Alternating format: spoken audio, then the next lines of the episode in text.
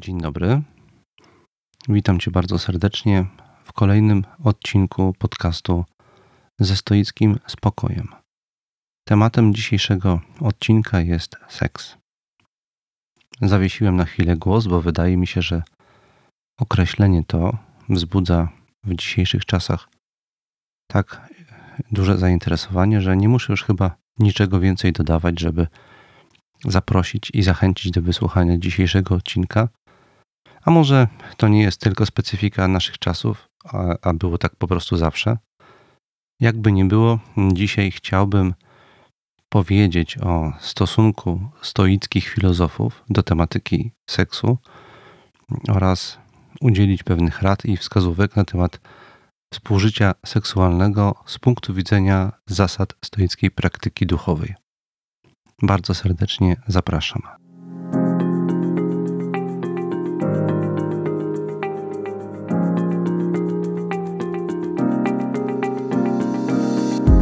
Mamy ograniczony wpływ na to, gdzie i pośród jakich ludzi żyjemy. Nie my decydujemy, co nam się codziennie przydarza. Od nas jednak zależy, jak to przyjmujemy i jakimi stajemy się ludźmi. Nazywam się Tomasz Mazur, jestem współczesnym praktykującym stoikiem i zapraszam do wysłuchania mojego podcastu ze stoickim spokojem.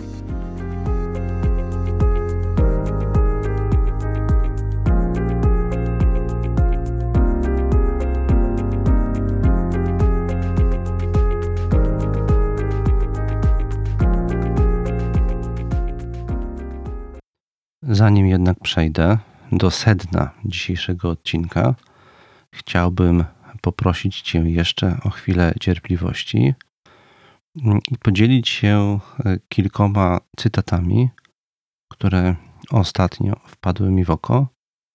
Postępując tak, inspiruję się oczywiście samym Seneką, który e, swoje listy do Lucyliusza opatrywał bardzo często właśnie takimi cytatami, nazywając je przy tym podarunkami.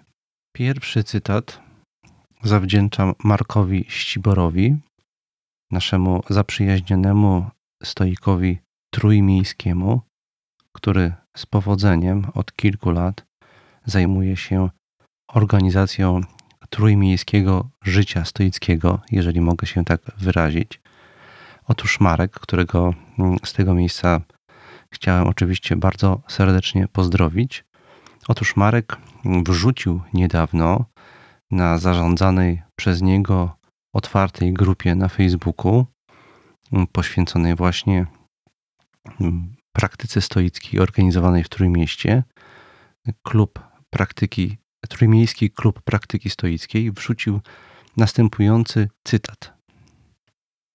Jeśli brak ci dyscypliny, zawsze będziesz niewolnikiem nastrojów i pragnień. Koniec cytatu. Powtórzę. Jeśli brak ci dyscypliny, zawsze będziesz niewolnikiem nastrojów i pragnień.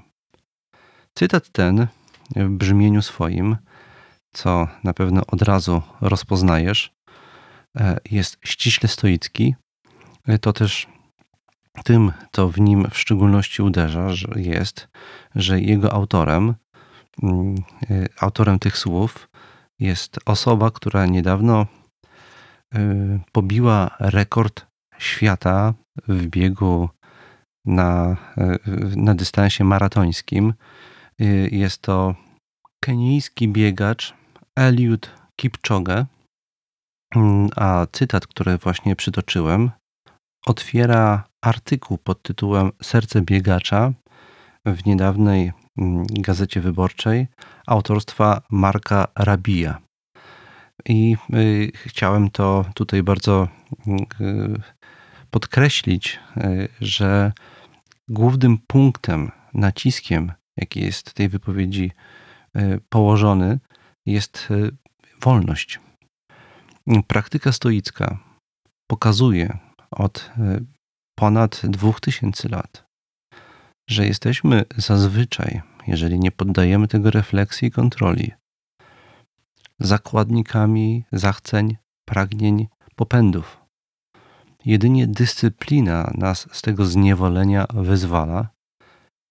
Tylko dzięki dyscyplinie zyskujemy unikalny dostęp do naszego potencjału, o którym bardzo wielu z nas w ogóle nie wie, bo nie próbowało tam sięgnąć. I ta wolność dostępu do swojego potencjału to jest ta wolność, do, o której właśnie mówi Eliud Kipchoge i o której, o której zawsze mówili i której nauczali stoicy. Drugi z obiecanych cytatów jest autorstwa Ursuli Le Guin, autorki wielu powieści fantastycznych. Ten cytat pochodzi z jednego z jej późnych opowiadań pod tytułem Szukacz. Jest to opowiadanie zebrane w cyklu pod tytułem Opowieści z Ziemi o Morza. Jest to ostatnia część pisanej przez wiele lat opowieści, która zaczęła, zaczęła się wiele lat temu od publikacji Czarnoksiężnika z, z archipelagu. I właśnie mm, w tym późnym opowiadaniu znalazłem mm, następujący fragment. Może tytułem y, krótkiego wprowadzenia, przybliżenia tego fragmentu dodam tylko, że pochodzi on e, z rozmowy, którą toczą ze sobą bohaterowie opowiadania, a rozmowa dotyczy bardzo złego stanu świata, w którym żyją ci bohaterowie, a odpowiedzialni, czy odpowiedzialna za ten zły stan świata jest ludzka pazerność, chciwość i okrucieństwo. Cytat brzmi następująco: Martwi pozostaną martwi. Władcy, wielcy ludzie podążają własną drogą. Cała nadzieja świata skupia się w ludziach, którzy nie mają znaczenia. Może przeczytam jeszcze raz ostatnie zdanie tego cytatu. Cała nadzieja świata skupia się w ludziach, którzy nie mają znaczenia. Mnie uderzył ten cytat, mm, dlatego że mogę się tylko domyślać, że Ursula Le Guin, autorka bardzo zaangażowana w to, co się dzieje na, na świecie i wykorzystująca zazwyczaj swoje opowiadania fantazy i science fiction do tego, żeby w jakiś sposób ten stan świata komentować, mogła mieć tutaj na myśli to, co nam się obecnie przydarza, zły stan świata. Mam tutaj na myśli w szczególności kontekst ekologiczny kondycji świata. On y, jest dzisiaj naszym, naszym wspólnym problemem i stajemy w obliczu rozczarowania postawą elit tego świata, tak biznesowych, jak i politycznych, które nie potrafią albo po prostu nie chcą, bo im się nie opłaca, porozumieć się i przedsięwziąć naprawdę niezbędne i zdecydowane działania, które mogłyby odmienić oblicze tego świata, po prostu go przed ekologiczną zagładą uratować. I Ursula Le Guin chce chyba powiedzieć w tym cytacie, co zresztą potem w opowiadaniu jest dalej ciekawie rozwijane, ale nie będę tego spoilerował. Ona chce powiedzieć, że my, ci, którzy nie mają znaczenia, którzy nie mają władzy, którzy nie mają decy- de- tej decydującej mocy sprawczej, ci, który, którzy postrzegają siebie jako nieważnych, oni mają olbrzymią moc i olbrzymią siłę, pod warunkiem, że będą się umieli porozumieć, połączyć swoje siły i działać jako jedność w imieniu tego, co jest dla nich ważne.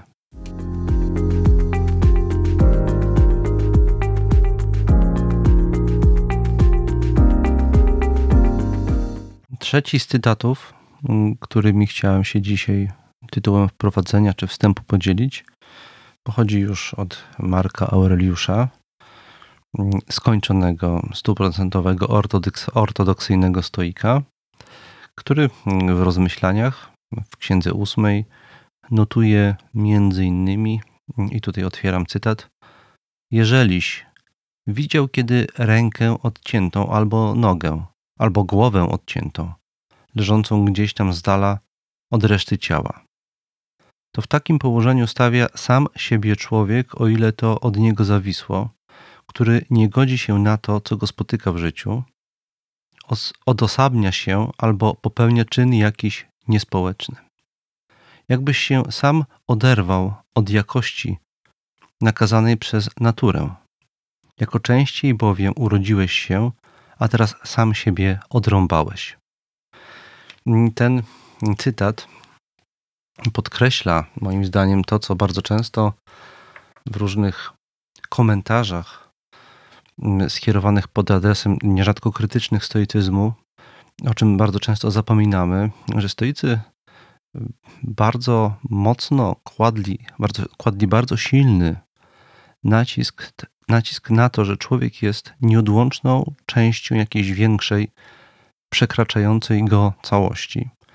I w momencie, kiedy z jednej strony albo właśnie narzeka na to, co mu los przynosi, jest rozczarowany kolejami jego życia, albo kiedy popełnia, podejmuje działania e, jakoś zasadniczo sprzeczne z interesem społeczności, które jest częścią, na przykład zanieczyszczając środowisko, o czym mówiłem poprzednio, taki człowiek z punktu widzenia stoicyzmu jakoś fundamentalnie sam sobie szkodzi. Jest to bardzo częsta metafora, y, do której sięgają stoicy, pokazując, że niektóre działania są tak, jakby palec próbował oderwać się od reszty ciała i funkcjonować samodzielnie, gdzie odrywawszy się, skazuje sam siebie na śmierć na jałowość, na fundamentalną duchową porażkę. Albowiem, jak to bardzo często stoicy podkreślają, wszystkie kluczowe treści nadające naszemu życiu sens biorą się z połączenia z czymś, co nas przekracza, między innymi z, biorą się z relacji społecznych. To wszystko powiedziałem tytułem wstępu. Teraz chciałem już przejść do rzeczy, a więc do tematu seksualności z punktu widzenia praktyki stoickiej. Zacznę od wprowadzenia trochę historycznego. Pierwszą rzeczą, która wydaje mi się uderza, kiedy przeglądamy teksty antycznych filozofów, rzeczą, która uderza mnie jako czytelnika tych tekstów, jest pewna zasadnicza dysproporcja między ilością miejsca, y, jakie, jakie poświęcił tej tematyce na przykład Platon w swoich dialogach, y, tematyce mi miłości, zbliżeń seksualnych, tematyce szeroko rozumianego erosa, y, a ilości miejsca poświęconego analogicznej tematyce w tekstach stoickich. Jest to bardzo uderzająca dysproporcja, tak jak powiedziałem. Wydaje mi się, że mm, o ile z jednej strony stoicy bardzo wyraźnie inspirowali się postacią Sokratesa, który występuje w dialogach mm, Platona i który temat seksu, mm, zbliżenia seksualnego bardzo często podejmuje, a, a z drugiej strony mamy teksty stoickie, które temu y, zagadnieniu tak dużo miejsca nie poświęcają.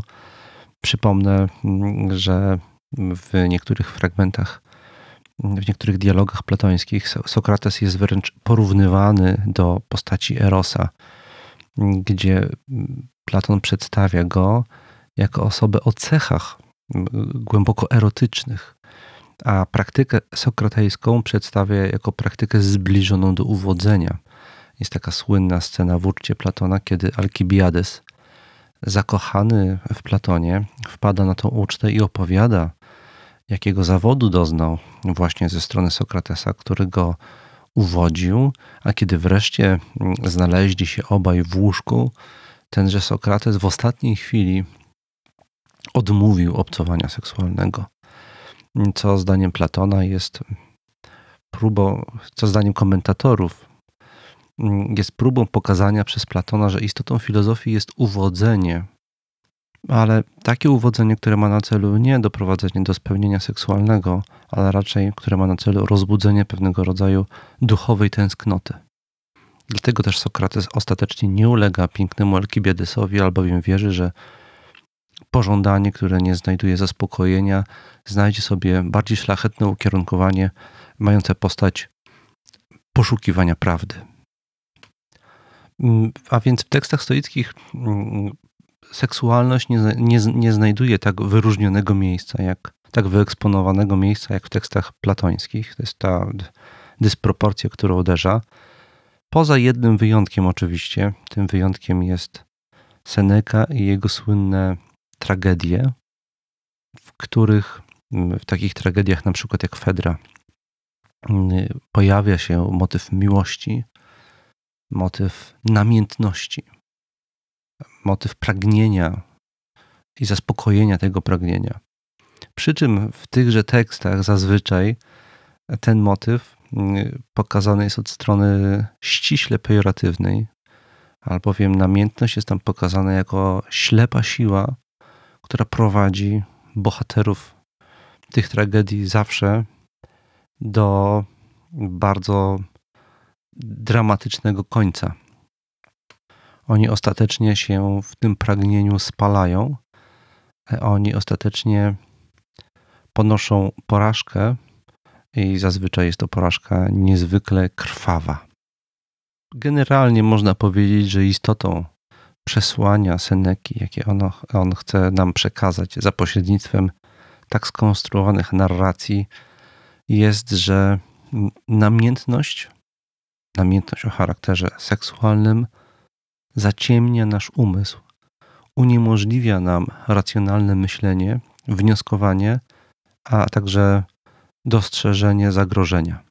Dlatego każdy, kto igra z namiętnością seksualną, igra z ogniem i naraża się na bardzo poważne niebezpieczeństwo w swoim życiu. Naraża na to niebezpieczeństwo nie tylko siebie, ale jak w przypadku Fedry, całe swoje otoczenie, całe królestwo.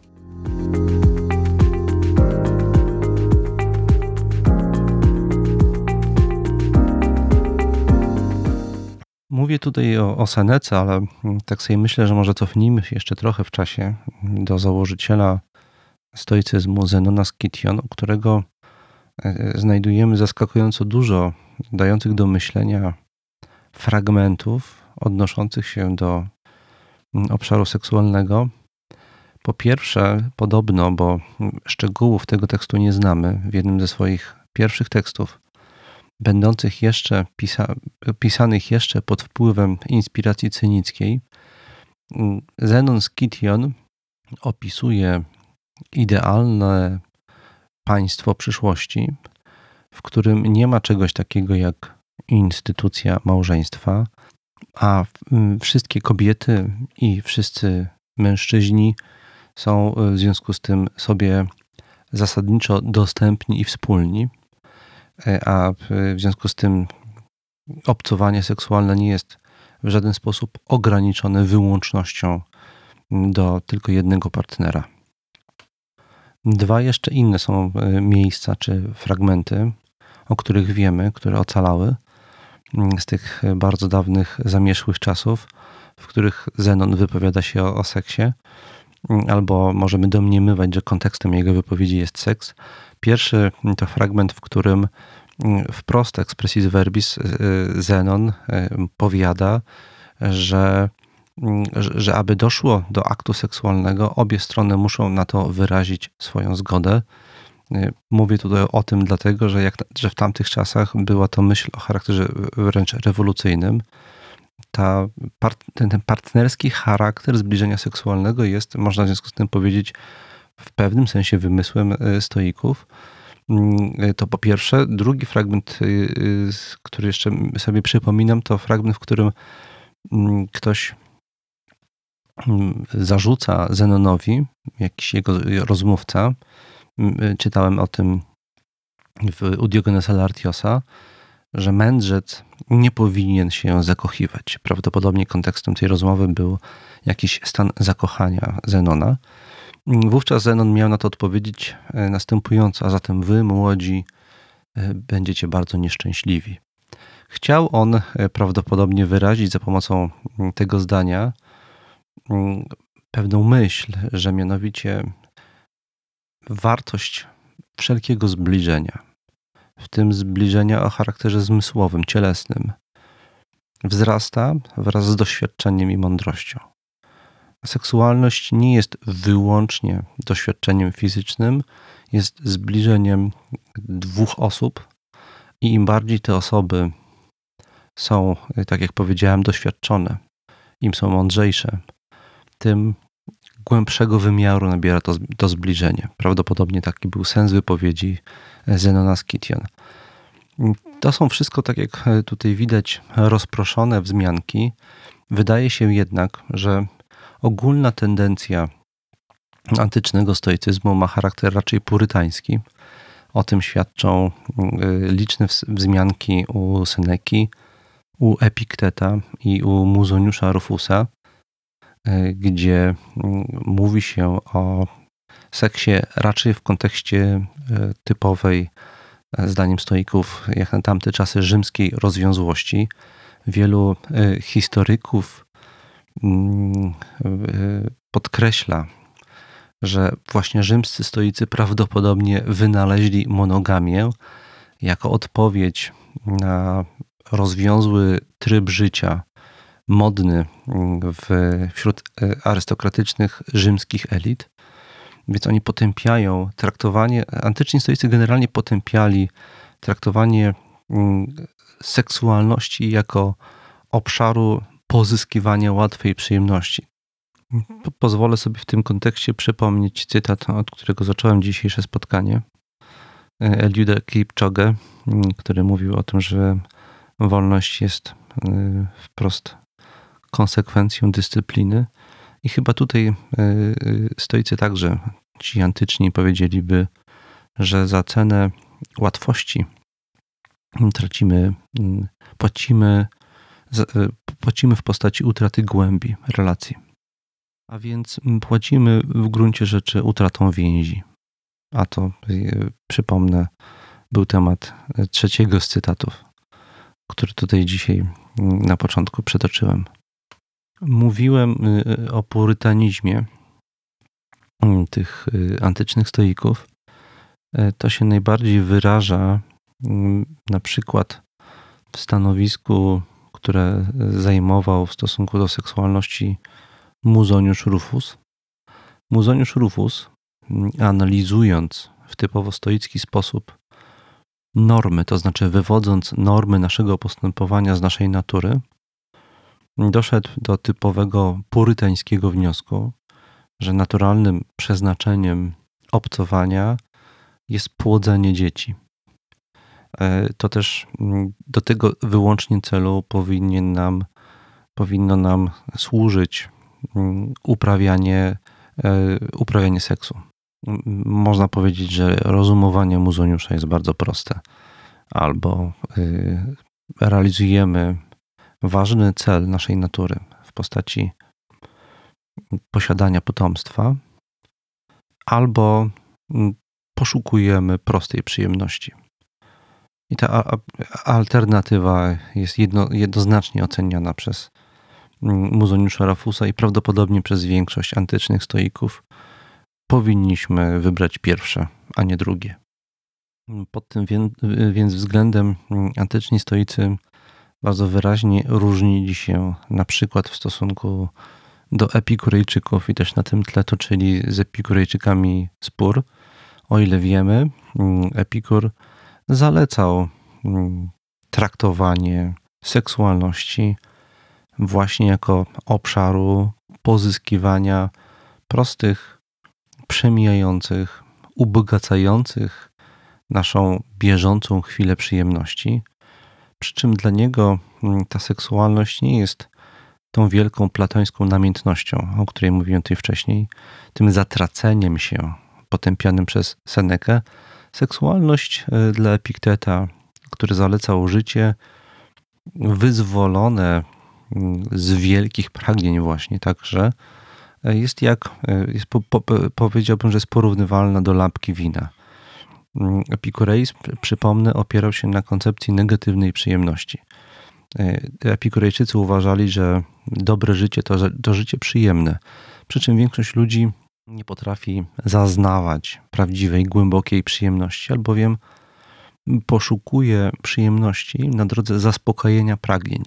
Epikurejczycy odkryli, że jeżeli wyzwolimy się z pragnień, przestaniemy definiować siebie w kategoriach pragnień, potrzeb, ważnych celów, do których zmierzamy, tylko uniezależnimy się od nich wszystkich, wyczyścimy swoją duszę z pragnień, wówczas odczujemy, że samo bycie, samo proste tkwienie w chwili obecnej, przemijanie jest przyjemne, nie pragnienie, doznawanie prostych stanów zmysłowych, będących, będących konsekwencją niepragnienia niczego, samo to jest esencją dobrego życia. To nazywali negatywną przyjemnością. Przyjemnością z bycia tu i teraz, bez żadnych silnych, intensywnych pragnień i pożądań. I w tak, w tak rozumianym świecie właśnie Epikurejczyka sobie wyobrażamy jako kogoś, kto wieczorami mm, spędza y, czas przy lampce wina, y, przy miłej rozmowie i, przy, i doświadczawszy także y, okazjonalnego seksu. To są wszystko rzeczy, które nam to nasze codzien, naszą, naszą tą codzienną, bezproblemową egzystencję umija, umilają. I znamienny jest też tutaj właśnie to, że to jest tak bardzo opozycyjne w stosunku do stoicyzmu, bo Epikur na pytanie o to, czy mędrzec powinien posiadać dzieci w związku z tym, jako naturalny skutek mm, współżycia seksualnego, powiedział, że e, był zwolennikiem zabezpieczenia się i powiedział, że mm, e, dzieci najlepiej jest adoptować i to najlepiej dorosłe, jeżeli już trzeba, e, albowiem zbyt wiele problemów i kłopotów posiadanie dzieci nam doświadcza, dostarcza, przez to uniemożliwia czerpanie prostych przyjemności z życia.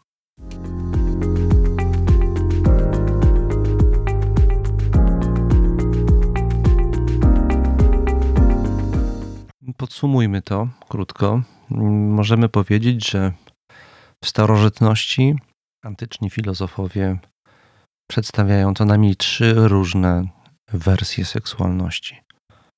Z jednej strony mamy wersję platońską, gdzie seksualność jest nieodłączna od namiętności.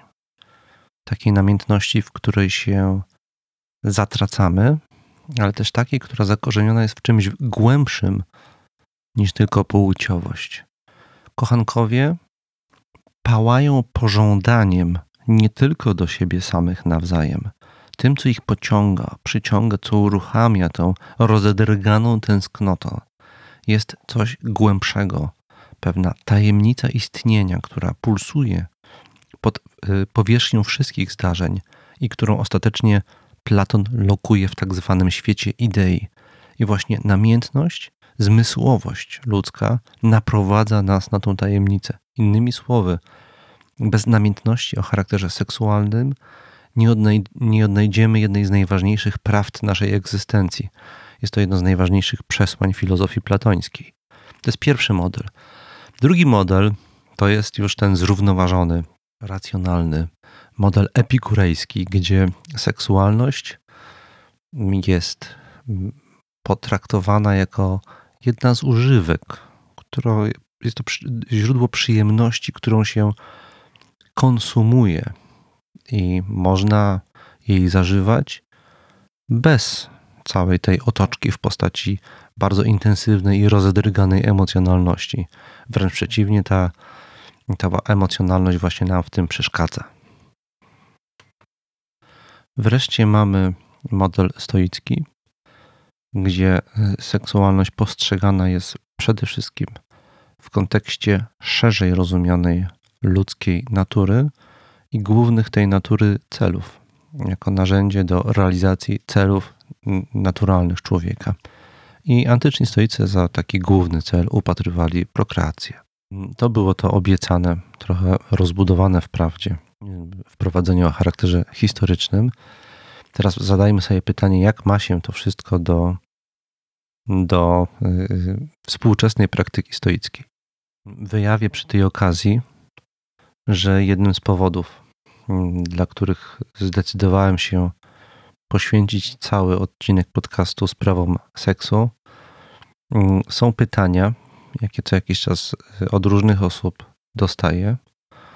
Między innymi na przykład dotyczące problemom seksualnym w związku, a trwałości, jak one się mają do trwałości związku. Mm, miałem niedawno list od e, jednego ze słuchaczy tego podcastu, mm, który mm, zwierzył mi się w tym liście, że po tym jak e, przyszło na świat drugie dziecko, żona zdecydowanie straciła zainteresowanie sprawami seksu, gdzie on czuje się przez to odtrącony i gdzie jednocześnie czuje, że zbliżenia seksualne są dla niego bardzo ważne e, i on ich po prostu potrzebuje. I to kładzie się cieniem na ich relacje. Jak z taką sytuacją sobie poradzić po stoicku? Więc tego rodzaju pytania dostaję i moim zdaniem to jest ważny kontekst też e, współczesnego zastanawiania się nad relacją między praktyką stoicką a seksualnością. Bo seksualność z jednej strony w naszym życiu jest obecna i możemy się zastanawiać, na ile ona powinna i w jaki sposób być obecna w życiu praktykującego stoika, albo mówiąc ogólniej, jak ma się seksualność dzisiaj rozumiana, tak jak my ją dzisiaj rozumiemy i uprawiamy, do tego przedsięwzięcia o nazwie spełnienie, szczęście, wewnętrzny spokój, czy ona nam w tym może pomagać, czy ona nam w tym przeszkadza.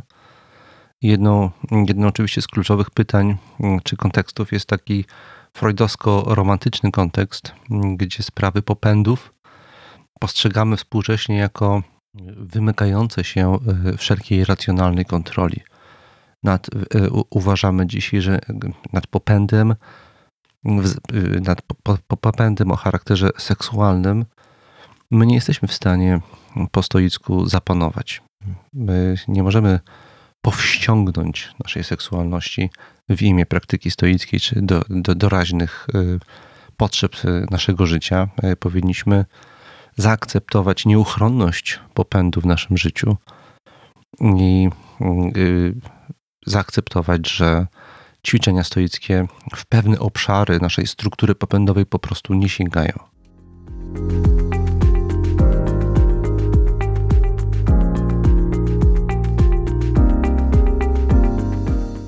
To jest wszystko oczywiście bardzo, bardzo obszerna tematyka, więc ja ją teraz omówię pobieżnie i może kiedyś jeszcze do niej wrócę. Mnie się wydaje po pierwsze, że jednym z pier pierwszym błędem, jaki popełniamy dzisiaj, to że patrzymy na seksualność jako na jakiś dość powszechny i uniwersalny aspekt ludzkiej egzystencji, E, i jednocześnie dość jednorodny. Podczas gdy wiemy już dzisiaj z różnych badań, że istnieje bardzo wiele różnych form i typów seksualności. Są ludzie, którzy bardzo e, potrzebują seksu i ten seks jest stale obecny w ich życiu. Oni sobie radzą w ten sposób z różnego rodzaju napięciami. Mają popęd seksualny na bardzo wysokim poziomie. Ale są też ludzie, to też dzisiaj postrzegamy jako, zaczynamy postrzegać jako coś zupełnie naturalnego, w których życiu seksualność nie odgrywa tak intensywnej roli. I mnie się wydaje, że patrzymy na to nieco y, stereotypowo, to znaczy przez pryzmat pewnego modelu spełnionej relacji narzuconej nam przez współczesną popkulturę. E, ta współczesna popkultura mm, prezentuje taki model spełnionego związku, opierającego się na zasadzie i żyli długo i szczęśliwie, gdzie elementem tego długiego i szczęśliwego życia musi być koniecznie udane życie seksualne jak naj, i, e, najlepiej, żeby było możliwie częste. Bo jeżeli nie jest możliwie częste, to znaczy, że coś nie gra w związku. Otóż jest to oczywiście bardzo gruby, stereotyp. Każdy człowiek posiada energię popędową, y, ale y, z drugiej strony każdy człowiek posiada także mm, kompetencje do sublimowania jej. Z tego też, mm, zdaniem psychoanalityków, zrodziła się kultura. My umiemy, choć jest to nauka trudna, przekierowywać czysto seksualną energię popędową na inne obiekty. w efekcie czego nie jesteśmy zakładnikami naszych popędów. Jeżeli jesteśmy w związku, w którym nasz partner bądź partnerka ma wyraźnie odmienne potrzeby seksualne od nas, na przykład takie, że my mamy duże potrzeby seksualne, a ta druga osoba prawie ich nie ma, to zachodzi jedno z dwojga. Albo e, e, nasza partnerka bądź partner doświadcza jakichś blokad o charakterze psychologicznym. E, w takiej sytuacji naturalnym rozwiązaniem jest skorzystanie z porady fachowca terapeuty, który zajmuje się właśnie pracą z parami.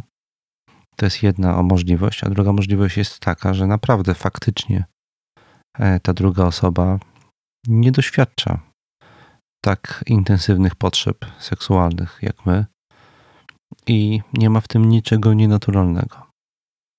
I w tym drugim przypadku mamy kilka opcji. Pierwsza opcja to jest, jeżeli związek jest dla nas naprawdę ważny. A przypomnę, dla stoika związek partnerski jest ważny. E, czyli w tym przypadku naszym rozwiązaniem w związku, jest, w związku z tym jest zapanowania nad własną strukturą popędową i ukierunkowania jej w inną stronę, co jest możliwe. Y, y, to po pierwsze. Drugie rozwiązanie jest takie, że jeżeli y, nie znajdujemy zaspokojenia seksualnego w związku, a to zaspokojenie seksualne odczuwamy jako coś bardzo ważnego i nie potrafimy się go wyrzec, bo bliżej nam do platonizmu niż do stoicyzmu. Mm, w tej sytuacji powinniśmy zakończyć związek z wszystkimi tego konsekwencjami. Trzecie natomiast rozwiązanie jest takie, żeby poddać charakter związku renegocjacji. Istnieje wiele różnych form związku. My dzisiaj, tak jak jesteśmy zakładnikami pewnego stereotypowego postrzegania seksualności, że każdy człowiek powinien regularnie uprawiać seks, bo inaczej jeżeli tego nie robi, to znaczy, że coś jest z nim nie tak i jest na pewno nieszczęśliwy. Mm, to jest ten stereotyp, jesteśmy je, je, y, tego stereotypu poniekąd zakładnikami i nie wiadomo w jak dużym stopniu to, to się dzieje niefajnego w naszym związku, nie jest właśnie konsekwencją tego, że jesteśmy zakładnikami z tego stereotypu i nie widzimy naszego związku, tylko nakładamy na niego oczekiwania społeczne bardziej niż, niż to, co by wynikało z dynamiki tego związku. To jest z jednej strony, a drugi stereotyp jest, jest taki, że wszelki związek zakłada wyłączność. Otóż wiemy dzisiaj, że istnieje na przykład takie zjawisko jak poliamoria. Są ludzie, którzy potrzebują większej ilości partnerów. Jeżeli tylko osoba, z którą są w stanie związku, to akceptuje, jest to rozwiązanie całkowicie e, prawdopodobnie naturalne. W związku z tym my także możemy znajdując się w obliczu takiego problemu, spróbować poddać nasz związek renegocjacji. Może nasza partnerka bądź partner będzie otwarta na taką formułę, którą egzystencjaliści określali mianem białego małżeństwa na przykład.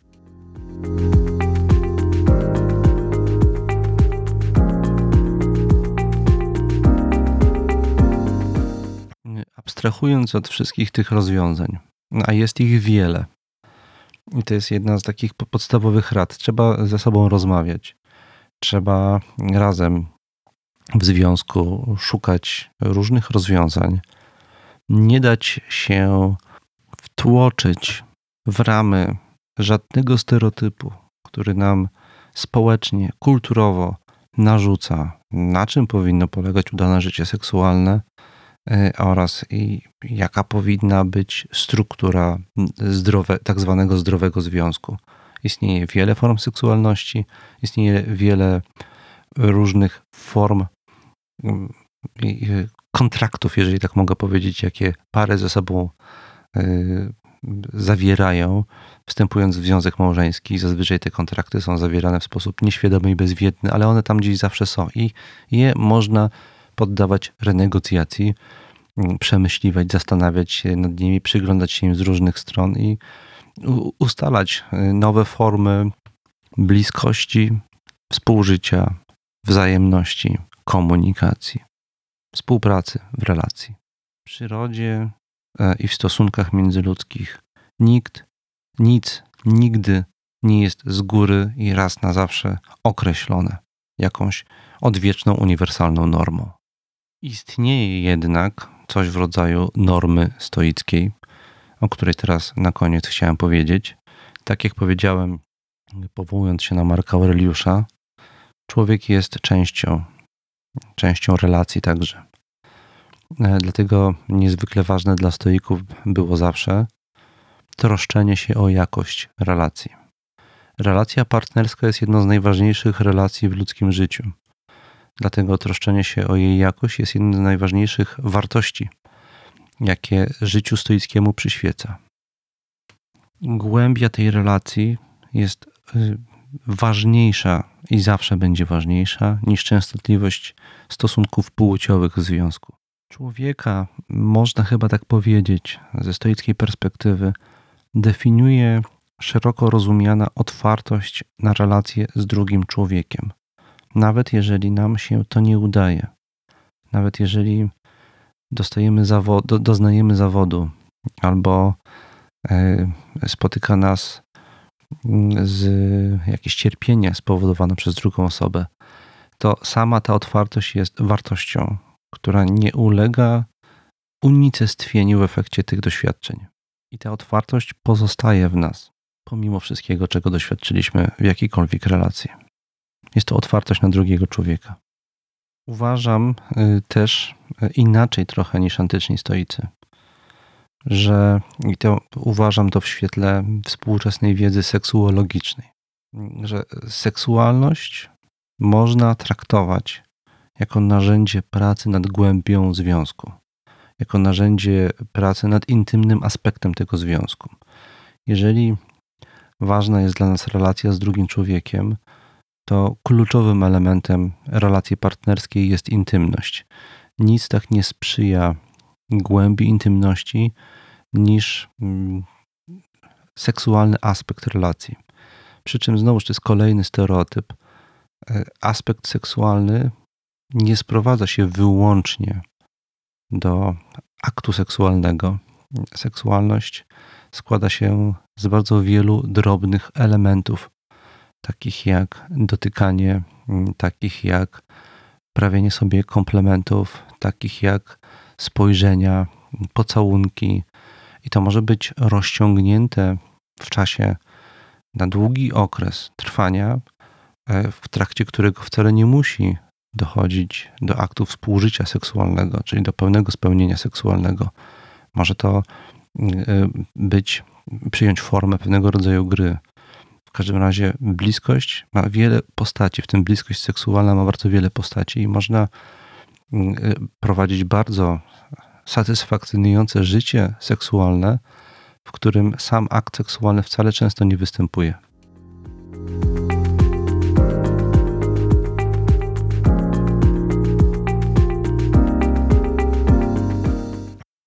Przy czym mówię tutaj cały czas o takiej specyficznej bardziej stoickiej seksualności, którą chyba najchętniej określiłbym mianem seksualności zorientowanej na drugą osobę, czy też seksualności zorientowanej na bliskość z drugą osobą.